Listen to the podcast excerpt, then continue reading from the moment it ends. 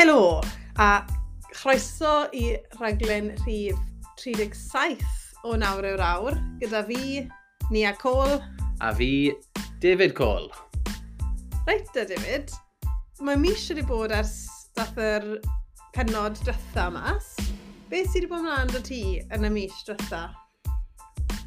Wel, mae wedi bod yn mis bach eitha tywel, mm. ond dwi wedi mwynhau cael rŵtín nôl i fod yn onest ydy. Um, hmm. fi'n teimlo fel bod ni wedi cael tipyn o lwyddiant yn y mis gyda just fod getre a cael patrwn nôl yn ymarfer, cael pethau wedi sorto getre yn y tŷ, just jobs bach oedd wedi mynd, felly bach yn drech arno ni. Mm -hmm. Achos oedd cona, oedd y briodas, oedd hi'n nadolig, a oedd bywydau ni jyst mor brysur, fi'n teimlo, ond ddim cael cyfle i wneud dim byd. So mae Ion nawr wedi bod bach mwy dywel i'r ddoio ni, ond mae wedi bod yn eitha neis ar yr un pryd fyd. Un peth ni wedi wneud, a falle beth ti'n meddwl, o, oh, pam ti siarad beth ti hwn, so hwn yn relevant i nawr i'r awr, ond dwi'n credu bod e yn berthnasol yw i ni wedi sorto mas rŵtin cysgu Harry mm. Cole. Mm. A nawr falle chi'n meddwl, pam chi'n siarad y beth i parenting a'r trethlon podcast, Ond mae'r wahaniaeth, mae cael noson cyfan o cwsg, touchwood, sef beth ni'n cael ers tua tair wythnos, falle pedwar wythnos nawr, yn neud byd o wyniaeth i ni, yn dia. Mae ma dangos pa mor bwysig yw cwsg yn, uh, i, wel, bywyd bob dydd, ond wedi cwmsi'n ymarfer. Fi cytuno ti ni. Oedd wedi dod i pwynt mm. gyda fi le o'n i'n really meddwl, sa'n gwybod sio ti'n cario ymlaen gyda hwn, o'n i'n batlo, oedd Harry Drian, a dim bai Harry oedd e o gwbl, oedd e just achos o'n i wedi mynd na fe fel i Kona, i Hawaii, a oedd i batrwm e dros y lle i San Francisco. O'n i bant, bant am dros tair wythnos fyna.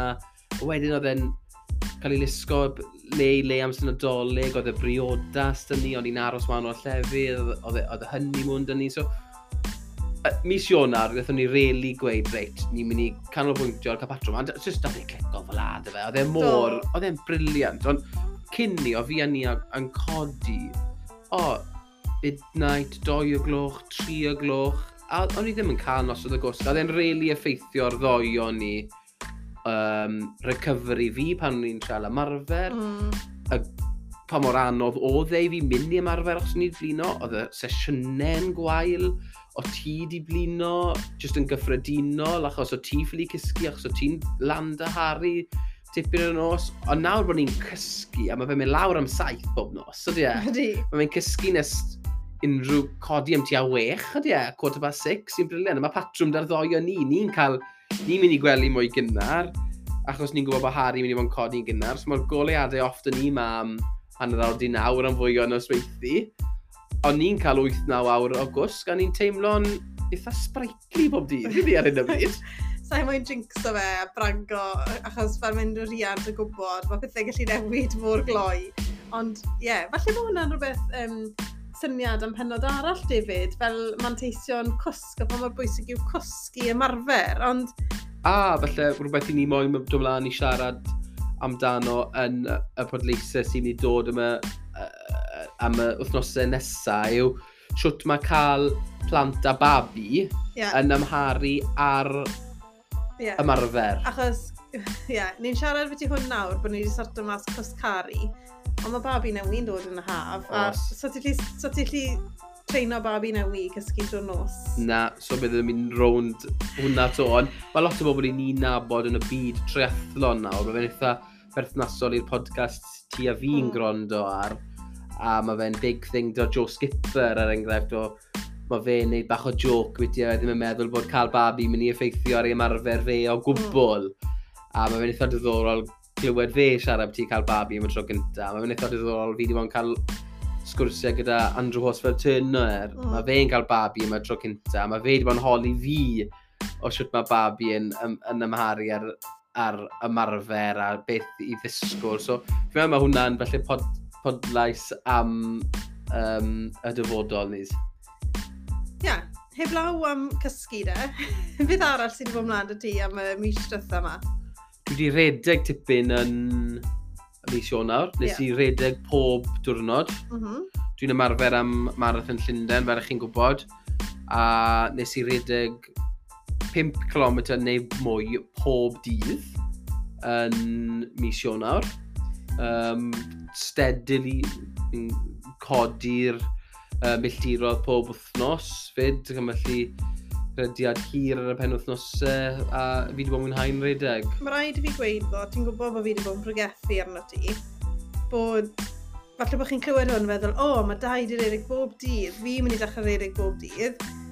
Mae dau, chwod, yn amlwg wedi bod yn neud yn ystod blynydde, mae fe'n arfer a mileage uchel, a bennes ti lan gyda anaf erbyn diwedd mis Ionawr mm. hefyd. A ti'n beth achos oedd yn anaf? Beth? Seiclo. Shot. Seiclo mas a pen wythnos gyda Phil achos oedd yr anaf. Shot. Just gallai yn gweithio yeah, ti. ond achos bod y cyhyred i wedi blino yeah. gymaint yn redeg bob dydd. Ie, yeah, sa'n angytuno gyda ti. Um, mm. Ond fi wedi bildo fel an, a fe'n mynd yn oce, okay. fi'n mwynhau y redeg. Um, fi wedi bod yn gwneud cwpl o'r Zwift races a beth dwi'n nawr yn gallu gweld a fi, dwi, dwi, dwi wedi credu mewn un yn gryf dros y blynydde. Mae redeg yn gwella redeg odi, ond dwi e ddim yn helpu y pwer ar y beic. No. Dwi e ddim yn helpu y pwer pan chi'n nofio um, a mae fe'n balans ffain bod chi moyn bod yn ysgafn am redeg, ond bod yn ysgafn i seiclo ddim yn helpu fi. A bod yn ysgafn am nofio ddim yn helpu fi.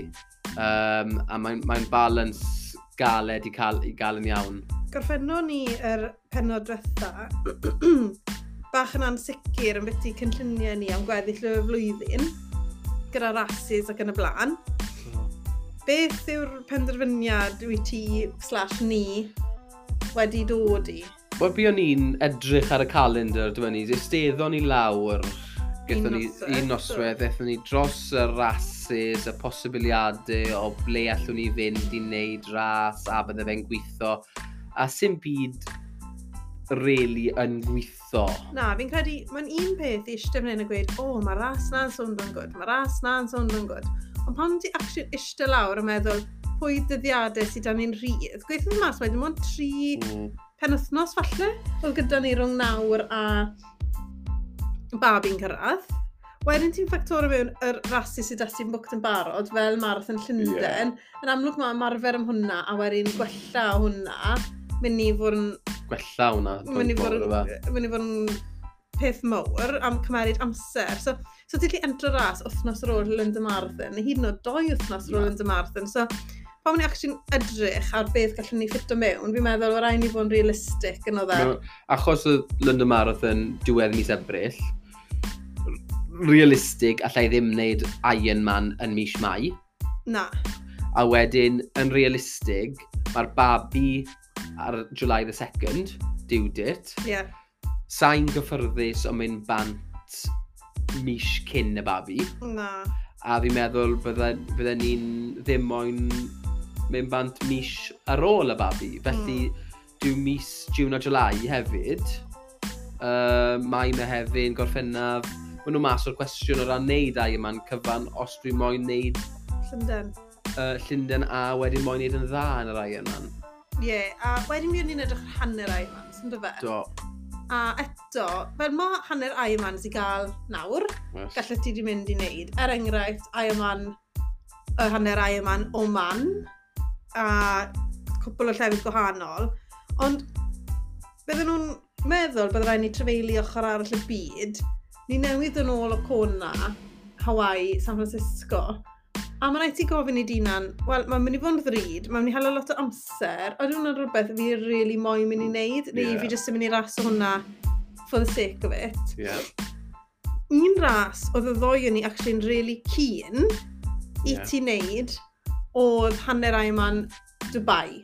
Yeah. Ond, mae fe fel arfer yn digwydd beth, nawr? Um, mis nesa. Dwi e heb gael ei gyhoeddi eto, dwi e. Felly, eto, mae eisiau ni cael gwybod er mwyn cynllunio, dwi'n credu bod wedi mynd yn rhy hwyr nawr, dwi e? Mae fe'n eitha frustrating, na di e, achos mm. byddwn ni'n eitha cyn yma mas fel gwyliau i Dubai. Yeah. Y tri o'n i fi ti a Harry, um, bod fi cael cyfle i gwneud Centrepoint 3 yn gwlad eitha cool fydden ni'n gweud. Fydden yeah. gweud. Ond ie, yeah, sy'n dyddiad yr as dal wedi dod allan sy'n um, yeah, fel na mai ar hyn o bryd. So, dyw, ddim, os, dyw, os dyw ddim ras mas na, ti'n meddwl, achos y cost o ras o cost o trofeili, uh, ti wedi o hoel o'n ei ffen o ran ni newid yn ôl o, o cona. Os ddim ras na'n gweud, ni really moyn neud hwnna, mm. sa'n meddwl bod pwrpas jyst i neud yn for the sake of it. Na, wir. So mae Abertowe mynd i fod, a Finland, ni gyd yn un fel teulu i'r World Champs yn Finland, a wedyn mwy na thebyg edrych am hanner Ironman arall ar ôl Finland, dal amlaen i bach o fitness. O'n i'n credu ar hyn o bryd, ni'n edrych ar hanner Ironman ym Mhryden. Yep bydd, bydd teulu ni'n fwy eto erbyn yeah. ni, bydd babi arall ma. A fel ti'n gweud, mae trefeili gyda teulu yn un peth, mae trefeili gyda teulu a beic. y peth arall tod, ie. Yeah. Chymod, mae bike box yn basically cymeryd un person mas o'r equation. A lle yn y car. Lle yn y car, mae'n just boindod, really. So, a fi'n meddwl bod hwnna'n really nice plan. Fi'n meddwl bod mae Weymouth yn, yn opsiwn wedyn, cwpl o thnosau, i cael real good blast fyna i, i orffen y season. Mae 3 cent.3 dy fi wedyn, so eitha exciting a, a London Marathon. Yeah. Um, dwi'n moyn bod beth i'r lle, dwi'n really excited i'r babi mae dod. Dwi'n moyn fod yn gefnogol i ni a dwi'n moyn fod na gyda Harry a byddwn ni ddim yn gael byth yr amser maen nhw o ran gweld genedigaeth um, yr ail fabi a dwi'n moyn bod i'r lle yn mis um, mehefin o gorffennaf a ddim cymeryd unrhyw risg o bod yn Awstria, drachas i'r Austria neu Switzerland neu rhywbeth yeah. flag, bod, o, oh, beth os deitha, beth os deitha, a bydd i ddim moyn, bydd i'n jeopardise o unrhyw cyfle o, o, o, o fod dy'r lle, a wedyn pan bydd y babi'n cael ei eni, bydd full hands on deck, bydd, Harry, bydd, bydd mam dar i nwy a bydd ai yn mwy na thebyg yn rhedeg y biti fel dyn dod yn chas o Harry. A mae Harry nawr yn ddechrau fod yn bach o trethlit yn hunan, yn e? Adi. Ni, fi wedi bod yn mynd â Harry no, gwersi nofio, I mean, gwersi nofio is very loose term yn beth ni actually neud, ond ers oedd e'n 12 wythnos oed, a mae fe nawr, so 3 months old de, a mae fe nawr yn 20 mis oed, ni wedi bod yn mynd bob wythnos, byddai fe'n trenu iddo fe dechrau colli mas ar hwnna, yn y byddai'n falle'n really feichiog neu bydd y babi newi yn dod, so bydd job na wedyn yn paso i ti, mynd na Harry nofio. So, bydd Harry, fel wedys di wrtho fi, yn gallu dangos i fi siwt i cico yn deulu. Oeddi, mae Harry yn sicr yn cico mell na ti, yn barod. Fi'n fach ta ti sy'n mynd y fe'n nofio, os mae gwrdd cic da ti nawr sydd. A... Ti disgyn fe ffordd gywir. Tipyn o seiclo ar y. Oh, downhills. Ie, yeah, mae fe joio mynd ar y gori weired, ond yn syth bin, os wyt ti'n troi'r beic na rownd i mynd nôl lan y rhyw, mae fe'n straight away yn troi'r beic nôl rownd achos mae moyn mynd lawr yn unig. A mae dad goffa cario fe ar beic nôl lan y rhyw wedi. a, ar hyn o bryd. Y gêm newi ar hyn o bryd yw sprint yn fe? Ie. Mae dad un ochr ystafell, mam ochr arall ystafell, a mae fe'n cyfri 3 a 1, a ar un, mae'n redeg o un i'r llall trwy gweiddi go, go, go, go, go. Yeah. Felly, tywed, watch out am y dyfodol, tip am y dyfodol, trai o uh, gorau gorllewin Cymru fydd Harry Cole. Os gewn ni unrhyw beth i wneud y fe, na beth fydd yr cylyniad, ydy fe. Ond... Yeah, so ni wedi cael, a ni, ni wedi cael mis bach eitha teulu gytre, joio, cael lot o sport, lot o wrthyn y trio, ar ni. Um, eitha dywel, cael gwrdd rŵtin, ti di bod briliant, fe di ti? Rwy'n gweud, yeah. faint o beth sy'n ymlaen dy ti, ti fi wedi gweud beth sy'n ymlaen dy fi? Wel, yn amlwg, am cyfnod cyn y dolyg, o'n i yn y tremestr cynta, lle sy'n lot o egni dydy, that, that, well, wedd ddim dy fi, anyway, o'n i'n sal tipyn, as in morning sickness. Wedyn doth na dolyg a o'n i'n sal gyda salwch. Felly, o'n i'n eitha hapus i weld mis Ionar yn dod. Oedd lot mwy o egni dy fi. a o'n i'n teimlo'n well. Oedd yr anwyd yn dechrau clirio. Felly, o'r, wel, dros nadolig, dechreuais i cerdded tipyn, a penderfynnes i wedyn bod fi'n mynd i trial cerdded bob dydd y mis Ionawr. Nawr, falle bod hwn ddim yn swndo yn rhywbeth very exciting, ond mae wedi bod yn gwych i fi. Pam ti'n feichiog, mae cyrraedd y calon yn, yn uwch na beth yw e pam ti ddim yn feichiog, achos mae y foliwm o gwad sy'n yn dy gorff di yn cynyddu. A hefyd, mae cyrraedd calon yn mwy uchel achos mae corff ti mwy fysi yn neud pethau eri, lle blaw am jyst cadw ti'n fyw. So mae'r cerdded yma bob dydd, actually, wedi bod yn bach o zone 2 training i fi, David. Ydy. Achos es i mas i redeg diwedd mis diwetha, a o'n i'n teimlo mor ffit. Mm. A'r hmm. unig beth gallai gweud yw bod yr consistency o cerdded bob, bob dydd, dydd yn pwsio'r pwysiau a'r ci, mae ma hwnna'n ma blygyn weight training, ah. resistance training yn ei hunan. A fi wedi bod yn cerdded am awr pob dydd hefyd. Fi wedi bod yn gwneud 5 km, at least 5 km bob dydd. A ie, yeah, so oedd e jyst yn gwers arall i fi. O'n i'n gwybod hwn yn barod, ond taw consistency yw'r peth mwyaf pwysig o ran ffitrwydd. Yeah. So, fi na... wedi bod yn seiclo hefyd, cofiwch, ond dim, dim rhyw lawer, seiclo tu fewn. Sy'n arwen i mlaen at y topic ni'n mynd i siarad yfyd i heddi, David? Ie, yeah, so ni'n mynd i siarad am seiclo a'r manteision ac anfanteision o seiclo tu fewn a seiclo tu allan. So seiclo tu fewn yn erbyn seiclo tu allan. A heddi yw'r dynod perffaith ni fod yn recordo hwn, achos mae wedi rhewi galed tu fas. A mae twyll yn ni. Mae'n o'r. Fi'n meddwl bydde sa'n meddwl bod digon o overshoes i gael yn y byd, na menu i gael yn y byd. Na. Bydden yn cadw dy fused i'n yn dwy mas ar y beic na heddi. Felly, na beth i ni mynd i fod yn siarad beth i heddi. Felly, ddechreuwn ni gyda sôn y byddu seiclo tu fewn. A pan dwi'n gweud seiclo tu fewn, beth dwi'n meddwl, a beth dwi, fi a ni yn meddwl fan hyn, yw seiclo gyda wattbike neu kicker, rhywbeth sy'n mesur curiad y galon, rhywbeth sy'n mesur um, pŵer, felly mae'r stats i gyd da chi trwy defnyddio Zwift fyd, er enghraifft. Dim rhaid i chi cael Zwift, ond bod y speed cadence, dim um, falle bod lot o'r ein yn perthnasol i seiclo heb y pethau yna, ond er mwyn cael y manteision i gyd i ni mynd i siarad y byti nawr, i ni'n siarad y byti, uh, wel, wattbike neu, neu smart turbo trainer. Yeah, smart turbo trainer, basically. A mae ma lot o athletwyr a tre athletwyr dyddi yma gyda smart turbo trainer getre, either wattbike, wahoo, kicker, rhywbeth fel la, le maen nhw'n gallu dibynnu arno. Mm -hmm. Felly, dechreuwn ni nis gyda manteision seiclo tu mewn. Mae ni wedi twtch ar hwn yn gloi jyst nawr, ond y tywydd. Sym ots beth yw'r tywydd yw ti'n gallu seiclo tu fewn.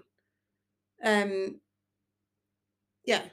Mae simple, sy'n eisiau hangi mwy na na arno fe reili, fysa? Na. Peth arall wedyn de, yw sy'n ots faint y gloch yw i really. Sa'n lico mynd mas a seiclo yn y tywyllwch. Na. Uh, sa'n teimlo'n saff, felly allwch chi dechrau yn gynnar yn y fore heb goleini. Er enghraifft, bore yma, Harry'n codi am wech, mm -hmm. so codes i am wech, o'n i ar y beic am wech, de. Mm. Fe, nes i awr a hanner yn y tywyllwch, um, tu fewn o dan do seiclo cyn iddi goleo. A mae'r un peth yn wir am biti yn y nos. Pan ti'n gorffen gwaith am 5 o'r gloch, ti'n lle gwneud sesiwn ti ar ôl gwaith, achos ti dal yn gallu gweld beth ti'n neud, a falle bod e'n saffach na fod ti fas. I ni'n byw mewn ardal sydd ddim da lot o goleadau stryd, sydd ddim gyda lot o cycle lanes, felly no. ni'n dibynnu ar ceir i weld ni os ni ar y rhewl yn y twyllwch. Felly mae'n saffach i fod ti fewn. A hwnna o'r pwynt nesaf, rili, really, de, fe yeah. pa mor saff yw i i seiclo tu fewn. A llwch chi ddim cwmpo off y beic. Llwch chi ddim ar diwrnod fel heddi bod yn ia, bod y tywydd yn gwael, bod chi'n sleidro a cael anaf, y ceir, y traffic, sain gyffyrddus, neu lot llai gyffyrddus nawr o beth wenu, o mynd mas y ben yn hunan, um, dwi'n dico cael cwmni, achos bod, bod y hewlydd mor fysi, bod y, mm. y hmm. ceir ddim yn parchu y, seic, y seiclwyr. Mae ma loris yma, buses mae sim cyclins, da ni... Yeah. Mae hwnna'n ffactor mowr, dwi'n meddwl. A hyd yn oed, chi'n gweud, o, oh, roswch ar y rewlydd dywel, ond mae'r rewlydd dywelach fel backroads, dwi'n meddwl nawr, yn gallu fod yn wath, achos maen nhw'n mwy gil. Mm. So, hmm. na gyd ti'n neud yn mynd o'n cornel, falle bod tractor neu rhywbeth yn dod i gwrdd o ti, felly... um, uh, mae hwn yn berthnasol yn wedi i fi ar hyn o bryd, gan fy mod i'n feichio, gan nes i'r un peth pan i'n feichio'r trydytha, sy'n byd yn bod i mas ar seiclo pan chi'n feichio, byddwn ni ddim yn edrych lawr yn sarhaus ar neb sy'n penderfynu mewn mas i seiclo tra bod nhw'n feichiog, ond penderfyniad dwi wedi wneud yn bersonol, wedi yn yr ardal i ni'n byw, fel ni'n gweud, heb y cycle lanes ac yn y blaen, bod bo fi yn mynd i hala'r amser mae i gyd yn seiclo tu fewn. Dwi yn gweld eisiau seiclo tu fas, does dim byd yn repleso seiclo tu fas, ond jyst am yr amser yma, dwi ddim yn gweld yr um, pwrpas mewn addo risg arall mm. de, a, am y cyfnod yma. Pwynt nesaf yw bod falle llai neu llai de, ni'n gweud, ni'n gweud yeah, dim, llai.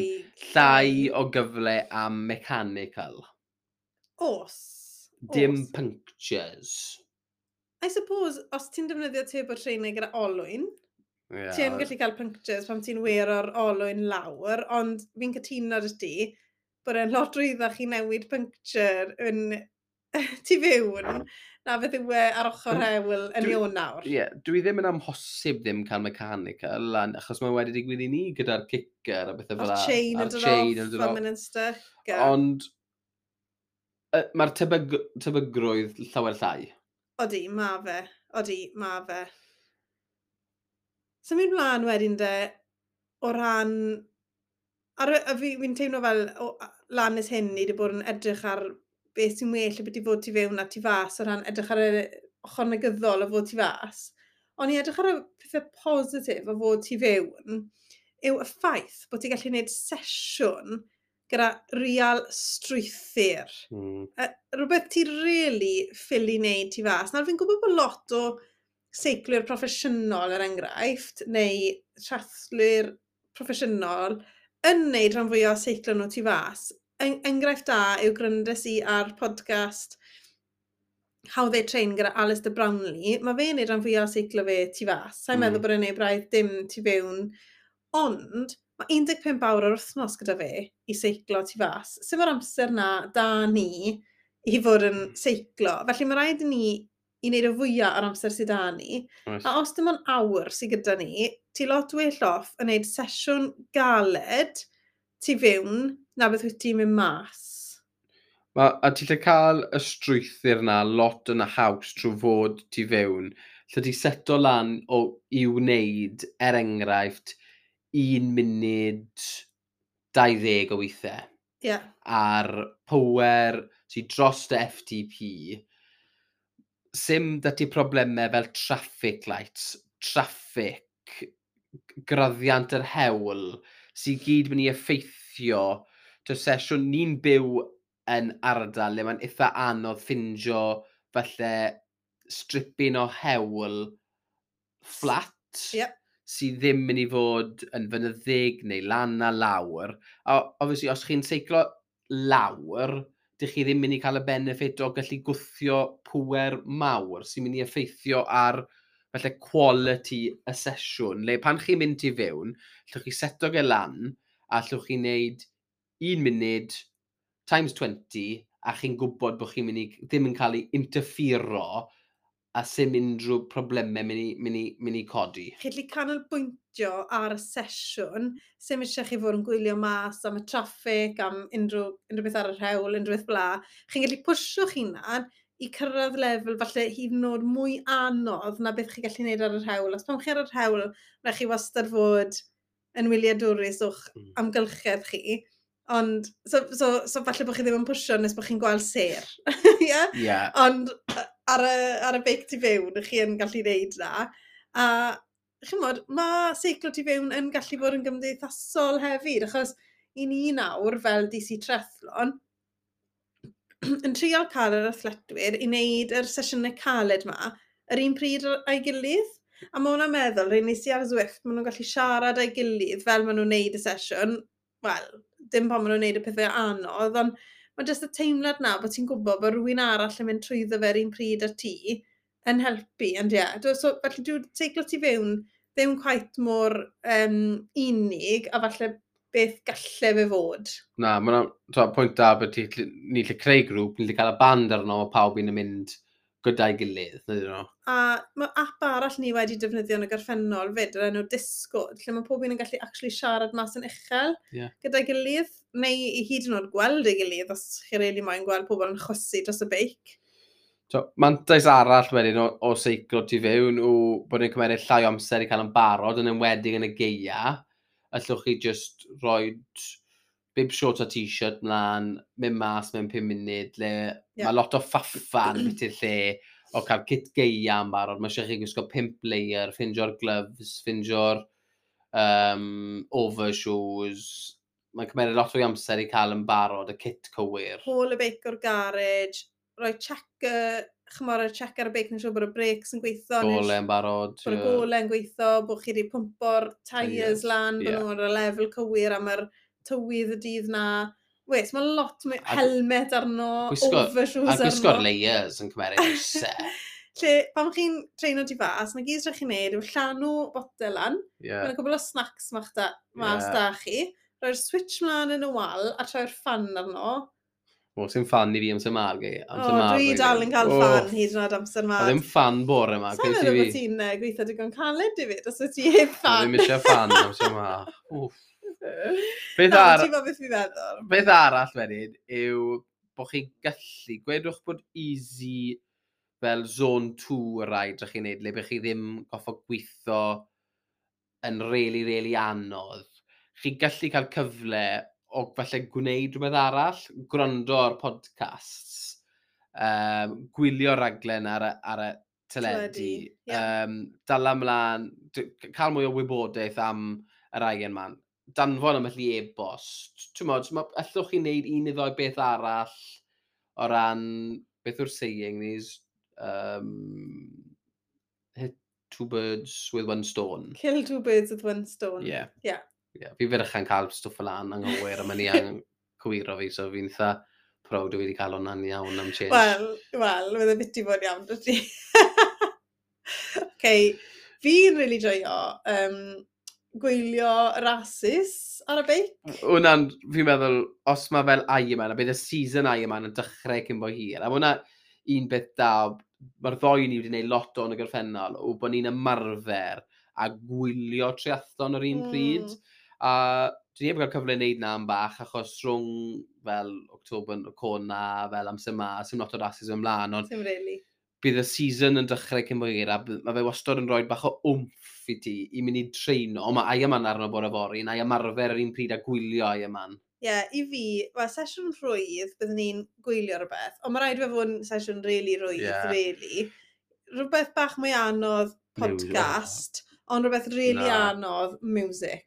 I fi, either gwylio slash podcast, os mae'n zone 2, unrhyw beth fel ddo, music all the way. Alla i ddim even yeah, meddwl no. wedi grondo a ffocysu ar unrhyw beth os dwi'n neud interval session. Pwynt diwethaf sydd dan i fan hyn, wedi gwneud um, profion ar y beic. Mae hwn yn, yn perthyn ni'r ffaith bod yn rwyddach wneud sesiwn gyda strwythyr.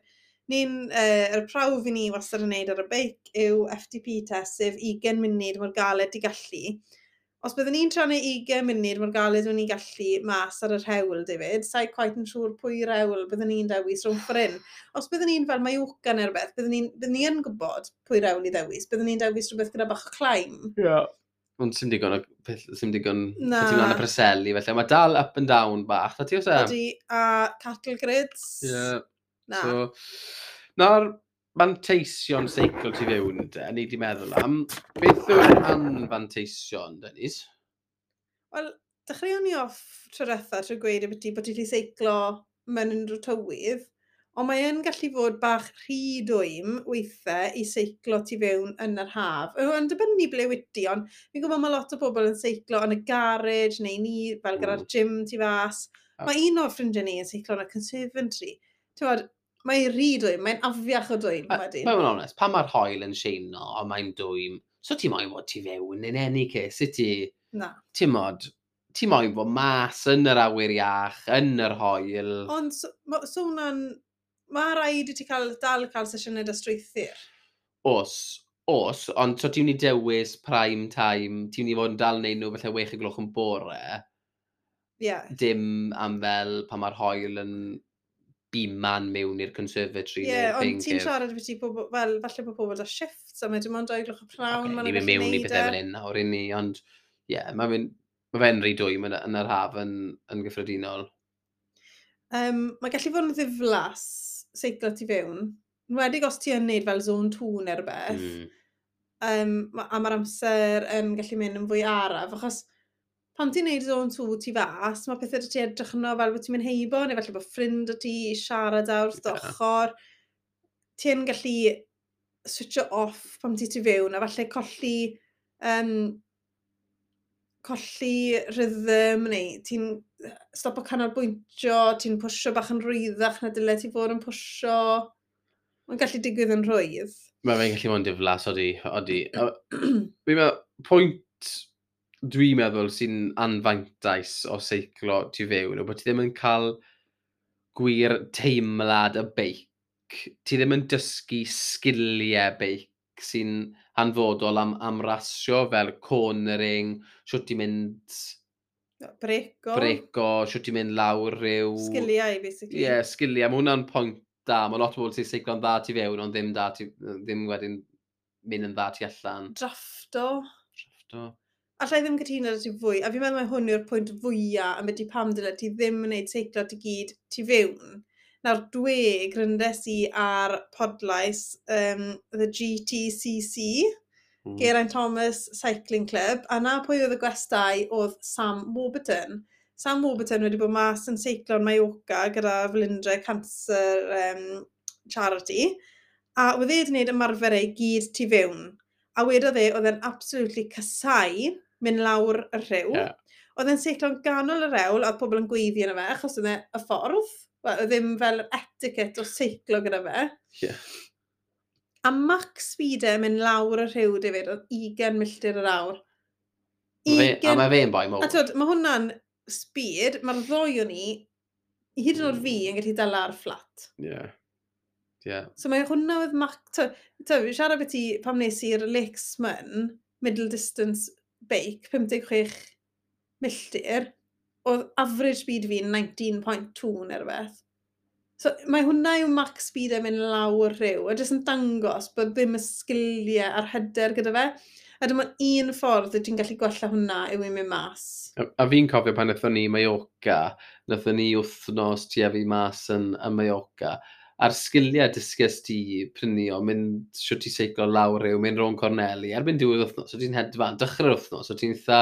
O, ni'n real nerfus. Wait, o nawr, achos bod ti wedi wneud a cael y profiadau, ti'n lot mwy gyffyrddiau, so ti ddim ond yn cael na trwy mynd, trwy mynd allan. Mae fe'n hanfodol i cwrsiau fel Aiman Cymru, Abertawe, 73, bod ti yn cael practis, practis tu allan. Mm. A peth arall y byd ti practis o tu fas yw, falle, ti'n meddwl pam dim jyst sgiliau ti'n dysgu trwy fod mas, ond hefyd profiad a hyder o seiclo yn mm. pob hmm. fath o tywydd. Yeah.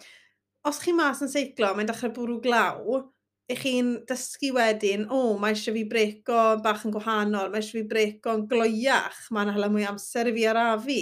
Yeah. O, well i fi beidio breco reit ar y cornel, ond cyn y cornel. Pethau bach fel un, achos, so chi'n gallu gweud bod y tywydd mynd i fod yn neis ar diwrnod y ras. Felly, os ych chi'n ymarfer am ras, ond yn seiclo tu fewn bob tro mae'r tywydd yn wael, ych chi'n mynd i fod yn stryglan wedyn os dwi'n gwynt y glaw ar dydd y ras. Ie. Yeah.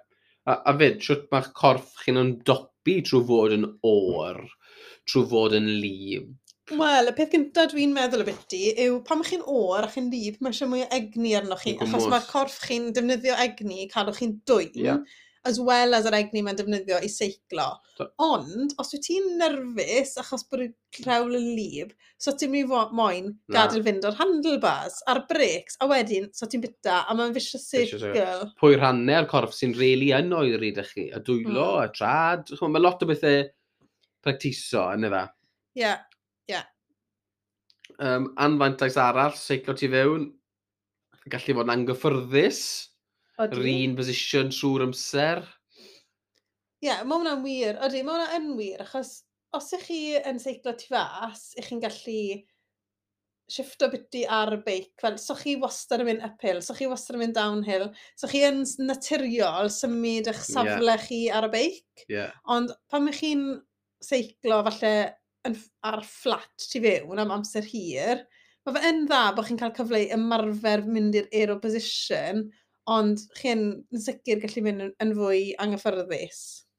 Fi'n licor pwynt nesaf, ni wedi cael e sawl gwaith da yn athletwyr ni pan maen nhw'n gwneud sesiwn a maen nhw ddim wedi bennu'r sesiwn tu fewn achos mae'r teulu wedi gael o draw a fi wedi goffo jump off y beic neu mae'r dyn post wedi galw a maen nhw wedi goffo mynd i ateb y drws. Yeah. So mae cwpl o distrac actions wedi codi tra bod nhw wrth yr, ymar yr ymarfer de, a wedyn nhw wedi dyseidio, o oh, na, sa'i wedi mynd ôl i benni'r yeah, sesiwn na off nawr. Ti'n fel, pam ti seiclo ti fas, os wyt ti'n 20 milltir o gytre, mae rhaid ti seiclo gytre. Sa'n mynd i ffono ti a gweud, dere ôl fi. Fi'n siŵr falle bod rai pobl yn, mm. ond mae fe'n lot rydw chi jump off y beic a torri'r sesiwn yn fyrrach pam ych chi tu fewn. Adi.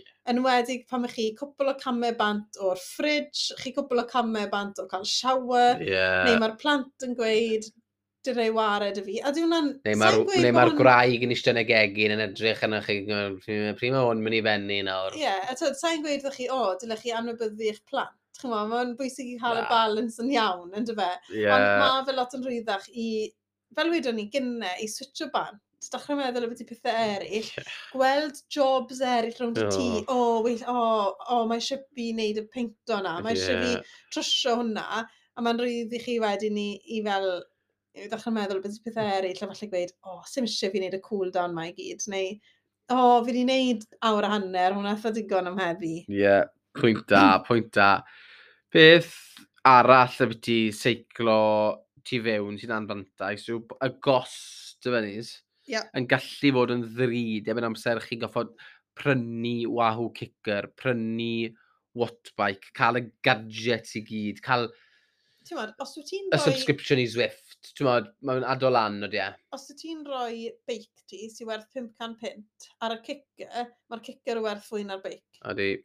Odi. Os oes, ma, os oes, mae'n gwahanol kickers i gael, mae'n gwahanol wahoo, turbo trainers i gael. Dim just wahoo sy'n neud turbo trainers. Ond os wyt ti'n mynd smart turbo trainer, dwi'n meddwl bod y chepa ti'n mynd i cael, i cael un sy'n gweithio'n iawn, mynd i fod beth i 500 Odi, e? a fwy. A fwy. Ie. Yeah. A mae watt bike mynd i gwosti tua 15,000 i ti, oedd e. 15,000? 1,500, sorry. Yeah. 15,000, sorry. Chi'n um, cywiro nhw, sy'n falle'n opsiwn, os ydych chi'n just moyn e am cyfnod byr, falle just dros y geia neu rhywbeth fel la. Um, a wrth gwrs, sy'n rhaid i chi cael smart power meter, ond os wyt ti moyn smart turbo trainer, sorry, ond os wyt ti moyn cael yn fwyaf mas o Zwift, wedyn... A wrth gwrs, mae Zwift yn costi yn ei hunan. 12 pint y mish. A mae rai, ni dim ond yn defnyddio Zwift, ond mae yna subscriptions eraill i chi mm. gallu hmm. cael am gwahanol... Um, yeah. Uh, Trainer Road, ydy hwnna'n un? Odi. A mae'n well, mae lot i gael. Mae rai i gael, lle chi'n gallu fel seiclo cwrs, fel seiclo i mewn Wales, er, er enghraifft. Fel rwfi neu rhywbeth fel awr. Ie, so maen nhw'n swnio'n really good fyd, ond chymor costau'n gallu mynd lan a lan a lan. A fyd... Fans. Fyd, mae eisiau lle yn o tinis. Mm, yeah. Tywod... Sy'n bob un o'r luxury. Sy'n yn mynd i fod yn good look, o ti i wneud e yn y living room, neu'r gegin. Wel, mae'r gegin yn well na'r living room, achos yn y living room, bydd y wyst i'n mynd dros y carpet yeah, i gyd. Faint i fi'n wysi, bydd ni ddim o'n neud e yn y living room neu'r gegin. Na, ond o leia ti'n lli mwypo fel an yn y gegin. Wet, ond on, na, mae ma eisiau lle, no, ti, mae eisiau fel good spot dyn nhw ti, os e? Mm, Ie, yeah, fi'n gytuno. Um, yr anfaintau ola sy'n fi fan hyn yw bod ti ddim yn gweld llefydd newi pan ti'n seiclo ti fewn. Ie, yeah, sa'n credu bod tickan o ffrwts ar Zwift really yn cwmtor, ie. Yeah. Na, ti'n mynd cael crwydro a gweud, o, fi wedi bod lawr i llan grannog ar y beicedd i, neu es i cei newydd. Ie, yeah, a weles i hwn hwn hwn. Gweld coffi stop newi, neu rhywbeth fel la, ti'n modd? Fi'n gwybod fi wedi siarad y fyddi hwn o'r blaen, pan o'n i'n siarad y fyddi seiclo yn ystod y cyfnod clo. Ond hyd yn oed seiclo rownd lle ti'n byw, seiclo rawl, lawr rhewl, sydd wedi seiclo lawr cant o weithiau o'r blaen, ti'n lli gweld rhywbeth newydd bob tro, achos ti'n mynd yn arafach na beth wyt yn y car. Ti'n lli gweld y tymhorau newid, ti'n sylwi ar even bethau bach, o, mae someone so wedi symud tŷ, neu maen nhw... Carno i. Carno fi. Yeah, business. O, mae nhw wedi gyrraedd plannu cwbl o daffodils lenni. yeah.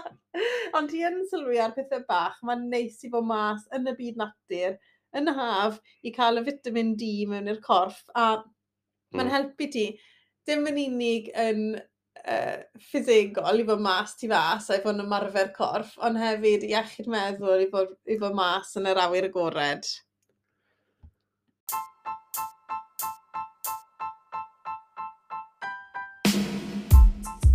Reit. E, na beth yn yn barn ni yw'r manteision a'r anfanteision o seiclo tu fewn.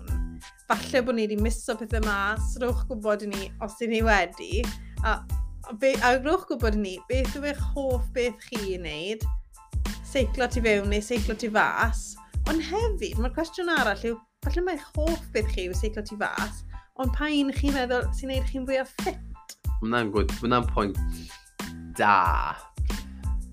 Reit, so y cwestiwn sydd da fi i ti yw, wes well ti seiclo tu fewn neu tu fas? Yn gyffredinol, seiclo ti fas. Mm. Yn, yn ddelfrydol, os beth ti'n gofyn fi, beth yw'r hoff beth ti beth ti seiclo? A sa'n mynd i troi rownd a gweud, o, oh, seiclo ti yw'r Zwift. Na, hoff beth ti beth ti seiclo yn ddelfrydol, cael beic, seiclo ti fas, a fod yn rolau fel Sbaen neu Reida, le mae'n tua 20 gradd Celsius a bod fi mas yn yr hoel am 4 neu 5 awr yn seiclo a mae hwnna jyst yn paradise. Odi, mewn lle saff, bod ddim ceiri agos, odi. Mallorca, um, mas ar y hewl, twad, seiclo andrats i oh. Puerto Polensa, 4-5 awr yn y hoel, gweld...